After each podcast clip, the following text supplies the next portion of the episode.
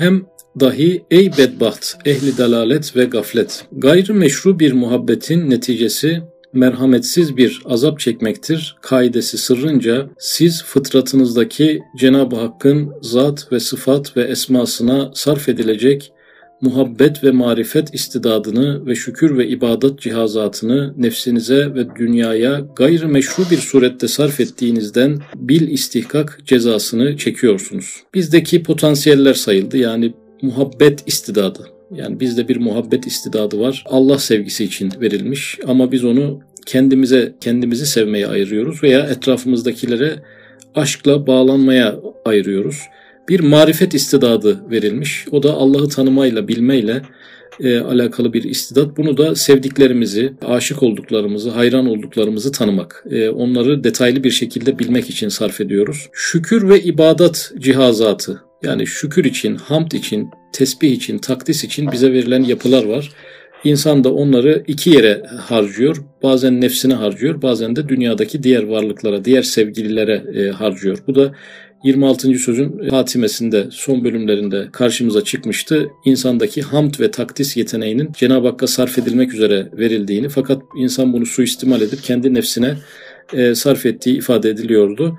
Burada da yine potansiyeller 6 tane sayıldı ama harcanan yanlış yerler 2 tane sayıldı. Nefsinize ve dünyaya gayrimeşru bir surette sarf ettiğinizden. Gayrimeşru da burada Türkçedeki şu anki kullanımıyla değil, gayrimeşru e, şer'i olmayan, e, manevi olmayan yollarda, yanlış işlerde e, kullanılması. Dolayısıyla insan kendi mesleğini de gayrimeşru sevebilir. Kendi ailesini de gayrimeşru sevme potansiyeli olan bir varlık. Kendini de gayrimeşru sevebilen bir varlık. Yani Allah'ın belirlediği çerçevenin dışına çıkarak, taşarak. O da bir gayrimeşru olduğu için üstadın bahsettiği gayrimeşru bizim anladığımız gayrimeşru kelimesiyle birbirini şu an karşılamıyor. Bil istihkak cezasını çekiyorsunuz. Çünkü Cenab-ı Hakk'a ait muhabbeti nefsinize verdiniz. Yani Allah'ı seveceğimiz yerde kendimizi sevdik. Allah'a aşk duyacağımız yerde kendi enaniyetimize, nefsaniyetimize bir aşk duyduk. Mahbubunuz olan nefsinizin hadsiz belasını çekiyorsunuz. Yani Allah'a vereceğimiz kutsi alakaları kendimize yönelttiğimizden dolayı bir ceza çekiyormuşuz. Dünyamız cehenneme dönüyormuş bu sebeple. Neden? Çünkü hakiki bir rahatı o mahbubunuza vermiyorsunuz. Hakiki rahat yani biz nefsimize hakiki bir konfor sağlayamıyoruz. Neden? Kendi sevgimizi kendimize harcayınca, e, maneviyatsız bir dünya kurmak isteyince bizim elimizden giden iki tane imkan var. Teslim ve tevekkül. Yani hayatın zorlukları ve acılar karşısında Allah'a tevekkül etmek, meseleyi Cenab-ı Hakk'a havale etmek, Allah'a teslim olmak gibi bir imkandan da e, nefsimizi maruz bırakıyoruz. Dolayısıyla nefsimiz bu ağırlıkların altında ezilirken aslında bir ceza da çekmiş oluyor. Halbuki muhabbetimizi Allah'a döndürmüş olsaydık bu ağırlıkları da bu nefsimize yüklememiş olacaktık. Hem onu hakiki mahbub olan kadir mutlaka tevekkül ile teslim etmiyorsunuz. Daima elem çekiyorsunuz. Şimdi kendine güvenen, nefsine güvenen, nefsini seven zaten aciz olduğu için, zaten fakir olduğu için, zaten muhtaç bir varlık olduğu için kainattaki ağır hadiseleri kaldıramaz hale geliyor.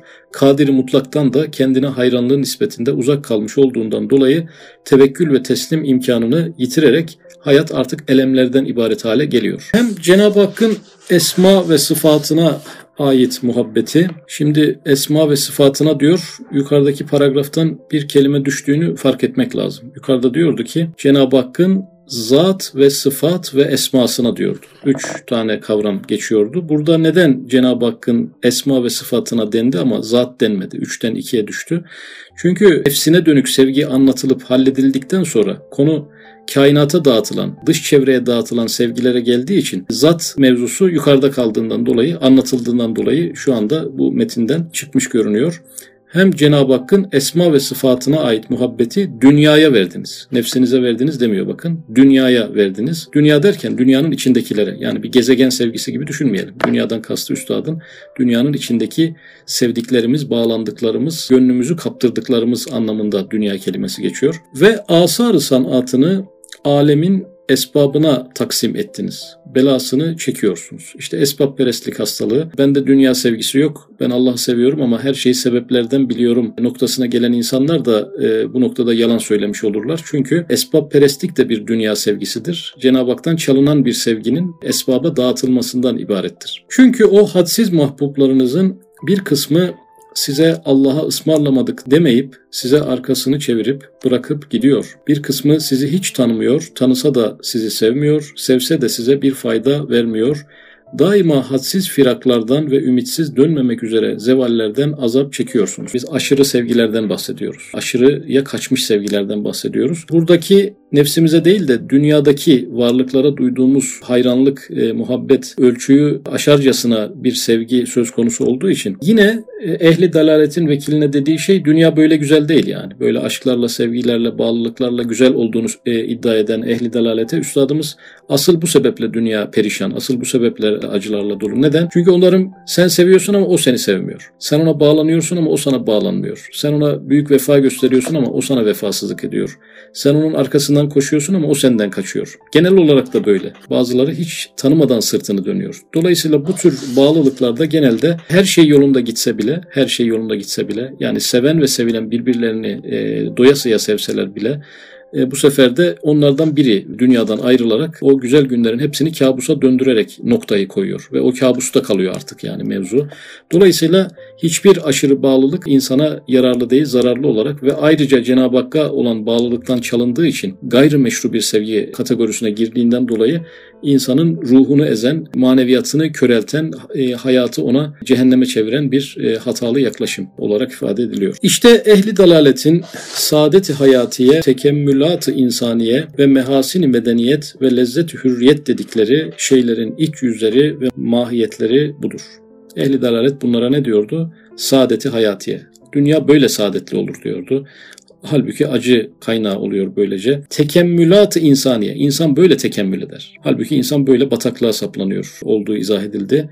Ve mehasin medeniyet, medeniyetin güzellikleri ve lezzeti hürriyet, hürriyetin getirdiği lezzetler. Herkes herkese bağlanabiliyor, herkes herkese taparcasına sevebiliyor. Hiçbir yasa, hiçbir kanun buna engel olmaksızın insanların kendi enaniyetine ve başkalarına e, gönlünü yüzde yüz kaptırmaları bir noktada şiirlerle, şarkılarla övülen, yüceltilen çok yüce meseleler e, haline getirildiğinden dolayı e, lezzeti hürriyet, bunu da sağlayan şey hürriyetin, bağımsızlığın, özellikle Allah'tan bağımsızlık, dinden bağımsızlık. Çünkü dinin e, bir takım kayıtlar koyacağından dolayı böyle bir mutluluğun kaynağı bunlardır diyen ehli dalaletin vekiline Üstad Hazretleri iç yüzü ve mahiyetleri üzerinde biraz tefekkür ettiğimiz zaman onların birer çöküntü e, haller taşıdığını, insanoğlunun kararmış ruh halinin sorumlularının da bunlar olduğunu, maneviyattan kopukluk olduğunu ifade ediyor. Sefahat ve sarhoşluk bir perdedir, muvakkaten hissettirmez.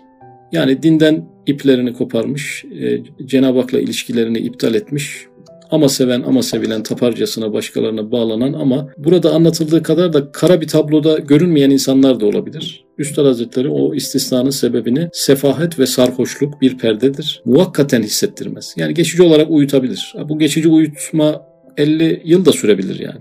Ama sekerat anında ki hissiyatlarını mikrofonu uzatıp sormak gerekir. Eğer sorabilseydik insanlar dünyayla olan ilişkilerini o anda gerçekten bir tarif etmelerini bekleseydik kendilerinden veya kabirlere birer mikrofon uzatabilseydik e, oradaki insanların dünyadaki e, bağlandık işte kariyerleriydi, işte bağlandıkları insanlardı, arkasından gittiği ideolojilerdi. Onlar hakkındaki yorumlarını sorabilseydik, böyle bir imkanımız olsaydı işin iç yüzü o zaman anlaşılırdı. Fakat bu muvakkat sarhoşluk anında, sefahat anında kaptırmışlık, kendini e, bir şeye bütün bütün verme sebebiyle onların mutlu görüntüleri bizi şu anda aldatabiliyor. Ama o mikrofonu can alıcı yerlerde veremediğimiz için işin e, iç yüzünü de belki göremiyoruz. Tuh onların aklına de.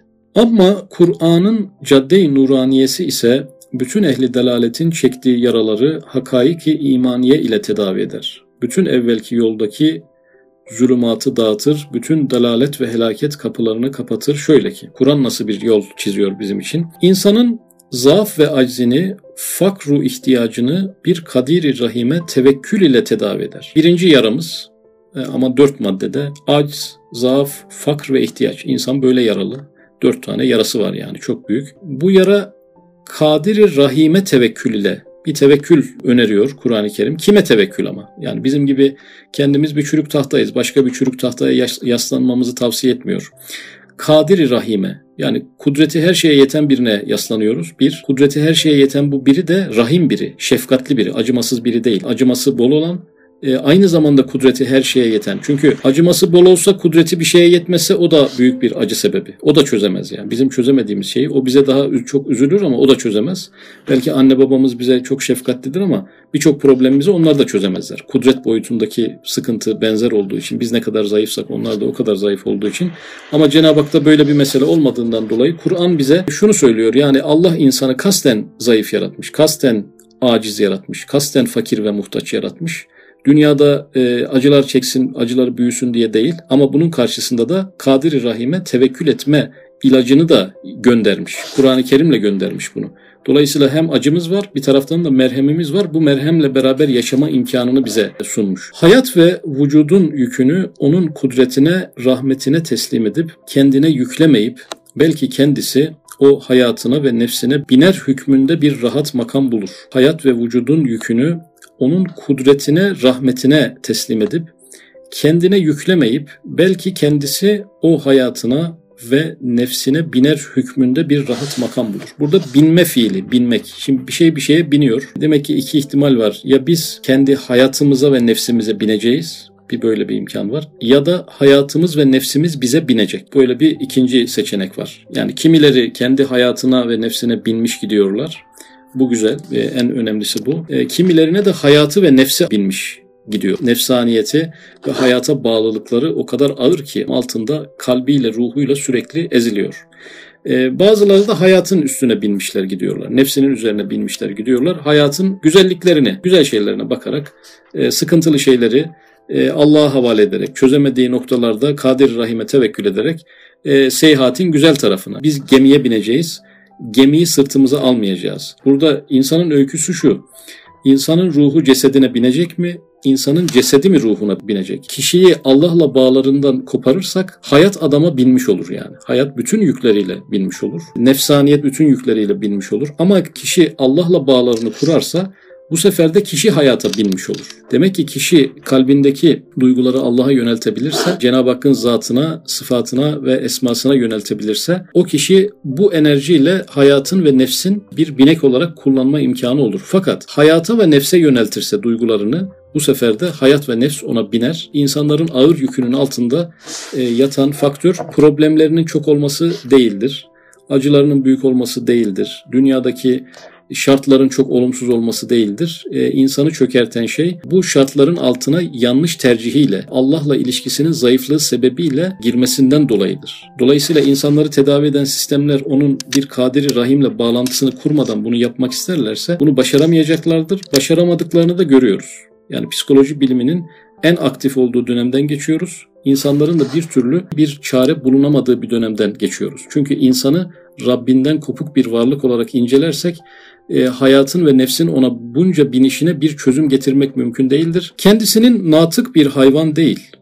Natık bir hayvan değil. Konuşan bir hayvan. Yani insana böyle bakan bir yaklaşım var. Değil belki hakiki bir insan ve makbul bir misafiri Rahman olduğunu bildirir. Tabi özneyi unutmamak lazım. Bir özne vardı çok yukarıda kaldı. Özne Kur'an. Kur'an ne yapıyormuş? Bizim natık bir hayvan değil belki hakiki bir insan ve makbul bir misafiri Rahman olduğunu bildirir. Şimdi Kur'an bizde şu duyguyu oluşturuyormuş. Dünyada bir misafiriz ve Rahman'ın misafiriyiz. Ahiretin bir koridoru, bekleme salonu olarak e, Kur'an-ı Kerim bunu bize gösteriyor. Misafiri Rahman olduğunu bildiren özne burada Kur'an. Dünyayı bir misafirhane Rahman olduğunu göstermekle ve dünyadaki mevcudat ise Esma-i İlahiye'nin ayneleri olduklarını ve masnuatı ise her vakit tazelenen mektubat-ı samedaniye olduklarını bildirmekle insanın fenayı dünyadan ve zevali eşyadan ve hubbu faniyattan gelen yaralarını güzelce tedavi eder ve evhamın zulümatından kurtarır. 8. sözde ve diğer sözlerde bir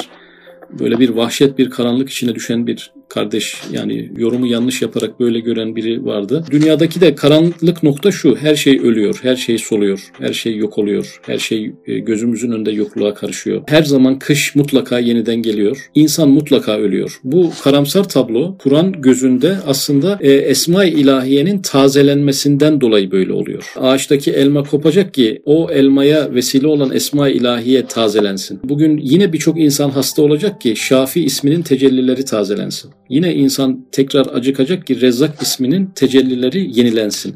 Dünyadaki bu e, sürekli açlığa, sürekli hastalığa, sürekli ölüme doğru akan çizgi aslında Esma ilahiyenin nurlarının daha çok parlaması için geliştiğinden dolayı hayattaki bu e, firaklardan, ayrılıklardan gelen yaraların da birer nurun parlaması olarak göreceğinden dolayı insanın bu yarası da bu noktada tedavi olacak demektir. Güzelce tedavi diyor. Yani güzel bir tedavi, kalıcı bir tedaviye sebebiyet veriyor ve evhamın zulümatından kurtarır. Hem mevt ve eceli alemi berzaha giden ve alemi bekada olan ahbaplara visal ve mülakat mukaddimesi olarak gösterir. Kur'an bu yolu e, mevt ve ecel yolunu dostlara kavuşma, onlarla buluşma vesilesi olarak gösteriyor. Gideceğim dostlarla bir daha görüşeceğim. Arkamdan diğer dostlar gelecekler, onlarla bir daha kavuşacağım ve bir daha ayrılmayacağız. Bunu tek sağlayan mesele ölüm meselesi. Yani bu ölüm olmasaydı bu ayrılıkları çözmek mümkün olmayacaktı. Ölüme karşı da insanın bir e, bu noktada bir muhabbet beslemesi, onu e, bir idam sehpası gibi değil de e, cennet salonlarına açılan bir kapı gibi görmesi sebebiyle dünya hayatını yani buradaki kilit meselemiz şu. Ahirete daha gitmeden dünya hayatındaki psikolojimizi bu mevzu nasıl etkiler? Kur'an'ın bu bakışı ancak bizi psikolojik olarak ayakta tutabilir. Ehli dalaletin vekilinin yani dini düşünme, Allah'ı düşünme, ölümü düşünme dediği ama aniden gaflet perdesinin yırtılmasıyla ani bir ölüm, ani bir hastalık, ani bir büyük bir musibet esnasında kişinin karşılaştığı bu ağır gerçekle beraber yaşayabilmesi mümkün olmayan bir gerçek. Dolayısıyla e, yine ehli delalet bizi kandırıyor. Aslında imansızlıkta bir lezzet de yok, bir konfor da yok. Ahireti geçiyorum. Dünyada da bir konfor yok. Acıların hemen hemen hepsi yine oradan geliyor. Ehli dalaletin nazarında bütün ahbabından bir firak ebedi telakki ettiği ölüm yaralarını böylece tedavi eder. Sevdiği ve yakınını kaybeden kişinin yarasını tedavi eder. Yani yokluğa gitmedi. Bir ayrılık girdi araya. Bir hüzün varsa onun hüznü olabilir. Sonuç itibariyle bir insan sevdiği birini 5-10 yıllığına bile bir yere gönderse, bir 10 yıl görüşemeyeceğiz diye bir ayrılsak, o da insanı üzer yani. O yüzden müminin ölüm karşısındaki üzüntüsü böyle bir üzüntüdür. Araya bir gurbet girmiştir. E, mutlaka kavuşma olacaktır ama yine de gurbetin dönüşü olmasına rağmen üzücü bir tarafı olması hasebiyle müminin üzüntüsü burayadır. Yoksa telafisiz yokluk uçurumlarına gitti gibi bir problem zaten yaşamayacağından dolayı gönlündeki ölümle ilgili travma kendiliğinden tedavi olmuştur. Çünkü yokluğa gitmek yok daha yoğun bir varlığa geçiş olduğundan bu yara tedavi olmuştur Kur'an-ı Kerim tarafından. Hem kabrin alemi rahmete ve dar saadete ve bağıstan cinana ve nuristan rahmana açılan bir kapı olduğunu ispat etmekle beşerin en müthiş korkusunu izale edip en müthiş korku. Bir de insanın yüreğinin tam orta yerini kaplayan bir korku var. Beşerin en müthiş korkusunu izale edip en elim ve kasavetli ve sıkıntılı olan berzah seyahatini en leziz ve ünsiyetli ve ferahlı bir seyahat olduğunu gösterir. Kabir ile ejderha ağzını kapatır, güzel bir bahçeye kapı açar. Yani kabir ejderha ağzı olmadığını belki bağıstanı rahmete açılan bir kapı olduğunu gösterir. Hem mümine der, ihtiyarın cüz'i ise kendi malikinin irade-i külliyesine işini bırak. İhtiyar burada irade, cüz'i irade, yaşam üzerindeki kontrolümüz, kendi vücudumuz üzerindeki kontrolümüz biliyorsunuz ki bu çok az yani. Hayatın çok azını kontrol edebiliyoruz. Çoğu şey bizim e, irademiz dışında gerçekleşiyor. Çok cüz'i bir irademiz var. Onunla bu işi götürmeye çalışıyoruz. Üstad Hazretleri diyor ki ihtiyarın yani seçme yeteneğin, iraden küçükse o zaman ne yap? Malikinin iradesi külliyesine işini bırak. Seni yaratanın senin üzerinde bir iradesi var. Senin, senin için seçimler yapıyor. Senin boyunu o seçmiş, anne babanı o seçmiş, doğacağın memleketi o seçmiş ve istersen yaşamdaki karşılaşacağın olaylardaki mevzuları da onun seçimine bırakabilirsin. Yani ona kendini havale ederek farklı bir yolun yolcusu olabilirsin. Demek ki irademiz cüz'i ise e, hayat üzerindeki, yaşam üzerindeki, toplumsal yaşam üzerindeki, dünyadaki hadiseler üzerindeki etkimiz sinek kanadı kadar zayıfsa o zaman kendi irademiz yerine irade-i külliyeyi alalım. Yani Cenab-ı Hakk'ın iradesine acaba sahip olabilir miyiz? Cenab-ı Hak bize kendi iradesini verir mi? Bütün kainatı yöneten iradesini verir mi? Verir. Nasıl verir? Kendi iradeni, irade-i külliyeye emanet edebilirsen aslında Allah'ın iradesini kendi üzerine celbetmiş olursun. İktidarın küçük ise kadiri mutlakın kudretine itimat et. Olaylar büyük ama senin gücün zayıfsa o zaman kadiri mutlakın bir gücü var. Kendi gücünden sıyrıl, o güce ulaş. Bir müminin yani kendisini la havle ve la kuvvete illa billah diyen bir müminin kuvveti ne kadardır? Kadiri mutlakın kuvveti kadardır. Allah'ın kuvvet ve kudretinden başka bir kuvvet yoktur. Hakikatine eren bir insanın kuvvetine kadardır. Cenab-ı Hakk'ın kuvveti kadardır. Hani hakiki imanı elde eden adam kainata meydan okuyabilir diyen e, üstadımız nasıl olabilir de kainata meydan okuyabilir bir insan? Neyle okuyabilir? Kendi gücüyle okuyamayacağı belli. Cenab-ı Hakk'ın gücüyle okuyabilir. Kendi gücünden teberri ettiği anda buna ulaşabilir. O yüzden la havle ve la kuvvete illa billahil aliyyil azim çok övülmüş bir sözdür. Tekrarı da çok e, teşvik e, ve telkin edilmiştir. Çünkü kendi gücünü bırakıp e, Cenab-ı Hakk'ın kudret ve kuvvetine meseleyi hamletme çalışması olduğundan dolayı burada iktidarın küçük ise gücün azsa kadir mutlakın kudretine itimat et. Hayatın az ise hayatı bakiyeyi düşün. Ömrün kısa ise ebedi bir ömrün var merak etme. Fikrin sönük ise Kur'an'ın güneşi altına gir. İmanın nuruyla bak ki yıldız böceği gibi olan fikrin yerine her bir ayeti Kur'an birer yıldız misüllü sana ışık verir. Hem hadsiz emellerin, elemlerin varsa nihayetsiz bir sevap ve hadsiz bir rahmet seni bekliyor. Dünya acılarla dolu. Ehli dalaletin vekili dünyadaki acılarla ilgili hiçbir şey söylememişti. Ama Kur'an diyor ki ne kadar acı varsa sınırsız mı çok mu sayısız mı olsun nihayetsiz bir sevap. Hani hadis-i şerifte diyor ya ayağınızda bir diken batsa bir günahınız silinir, bir dereceniz artar. Dolayısıyla arkadaşlar her acının getireceği sevap nasıl muhakkaksa, kesinse, vaat edilmişse hayattaki acıların çok olması da o kadar sevabın çok olması anlamına geleceğinden dolayı e, yine onlar bir mümin için mutluluk kaynağı haline gelecektir. Belki ibadetlerimizle, müsbet ibadetlerimizle ulaşamadığımız seviyelere menfi ibadetlerle, e, müsibetlerle, hastalıklarla ulaşacağımız için ve hadsiz bir rahmet seni bekliyor. Hem hadsiz arzuların, makasıdın varsa onları düşünüp muzdarip olma, onlar bu dünyaya sığışmaz. Hem der ey insan sen kendi ne malik değilsin. Sen kudreti nihayetsiz bir kadir, rahmeti hadsiz bir rahim zat-ı zülcelal'in memlüküsün. Öyleyse sen kendi hayatını kendine yükleyip zahmet çekme. Çünkü hayatı veren odur, idare eden de odur. Hem dünya sahipsiz değil ki sen kendi kafana dünya yükünü yüklettirerek ehvalini düşünüp merak etme çünkü onun sahibi hakimdir, alimdir, sen de misafirsin. Fuzuli olarak karışma, karıştırma. Fuzul işlere karışma, vakit dar. E, dünyanın sahibi de sen değilsin, kontrol de sende değil. Onun bir sahibi var. Her şeye kafayı takma. Her şeye karışmana gerek yok. Karışman gereken şeylere karış. Ama bir de karıştırma diyor. Karışma, karıştırma. Karıştırma ne demek? Bazen fazla karıştırınca bir cihaz bozulur ya yani acemi bir insanın elinde. İnsanın hırsları, ihtirasları, ya bir hamle, acelecilikleri, e, o hamlelerden sonra olacak işler de bozulur bu sefer. Hem kendi karışır, karışmaması gereken şeye. Bir de karıştığı şeyi de bozar. Kendi hayatına fazla hırs gösterir. Hayat o yüzden alt üst olur. Kendi kariyerine fazla kendini kaptırır. O yüzden alt üst olur kariyeri. Karışma diyor bir de karıştırma diyor. Yani çünkü karışırsan karıştırırsın. Üzerine vazife olmayan şeylere karışırsan onları karıştırırsın. Hem insanlar hayvanlar gibi mevcudat başı boş değiller. Belki vazifedar memurdurlar. Bir hakimi rahimin nazarındadırlar. Onların alam ve meşakkatlerini düşünüp ruhuna elem çektirme ve onların Halik Rahiminin rahmetinden daha ileri şefkatini sürme. Hem sana düşmanlık vaziyetini alan mikroptan ta taun ve tufan ve kaht ve zelzeleye kadar bütün eşyanın dizginleri o rahim hakimin elindedir. Dizgin var yani düşmanlarımızın işte salgın hastalıkların, doğal felaketlerin hepsinin dizgini vahşi hayvanların, bize zarar verecek insanların dizginleri, ipleri Allah'ın elinde. Onlar o ipi gevşetti diye Cenab-ı Hak o ipi gevşettiği için biraz ısırıyorlar yani. Cenab-ı Hak o ipi çektiği zaman onların ısırmaları mümkün olmayacaktır. Bunu hatırlatıyor Üstad Hazretleri. Bir taraftan da fazla şefkat gösterme diyor. Nasıl aşkta bir böyle sınırsızca herkesi sevme özgürlüğü ile alakalı mahsurlardan e, bahsettiyse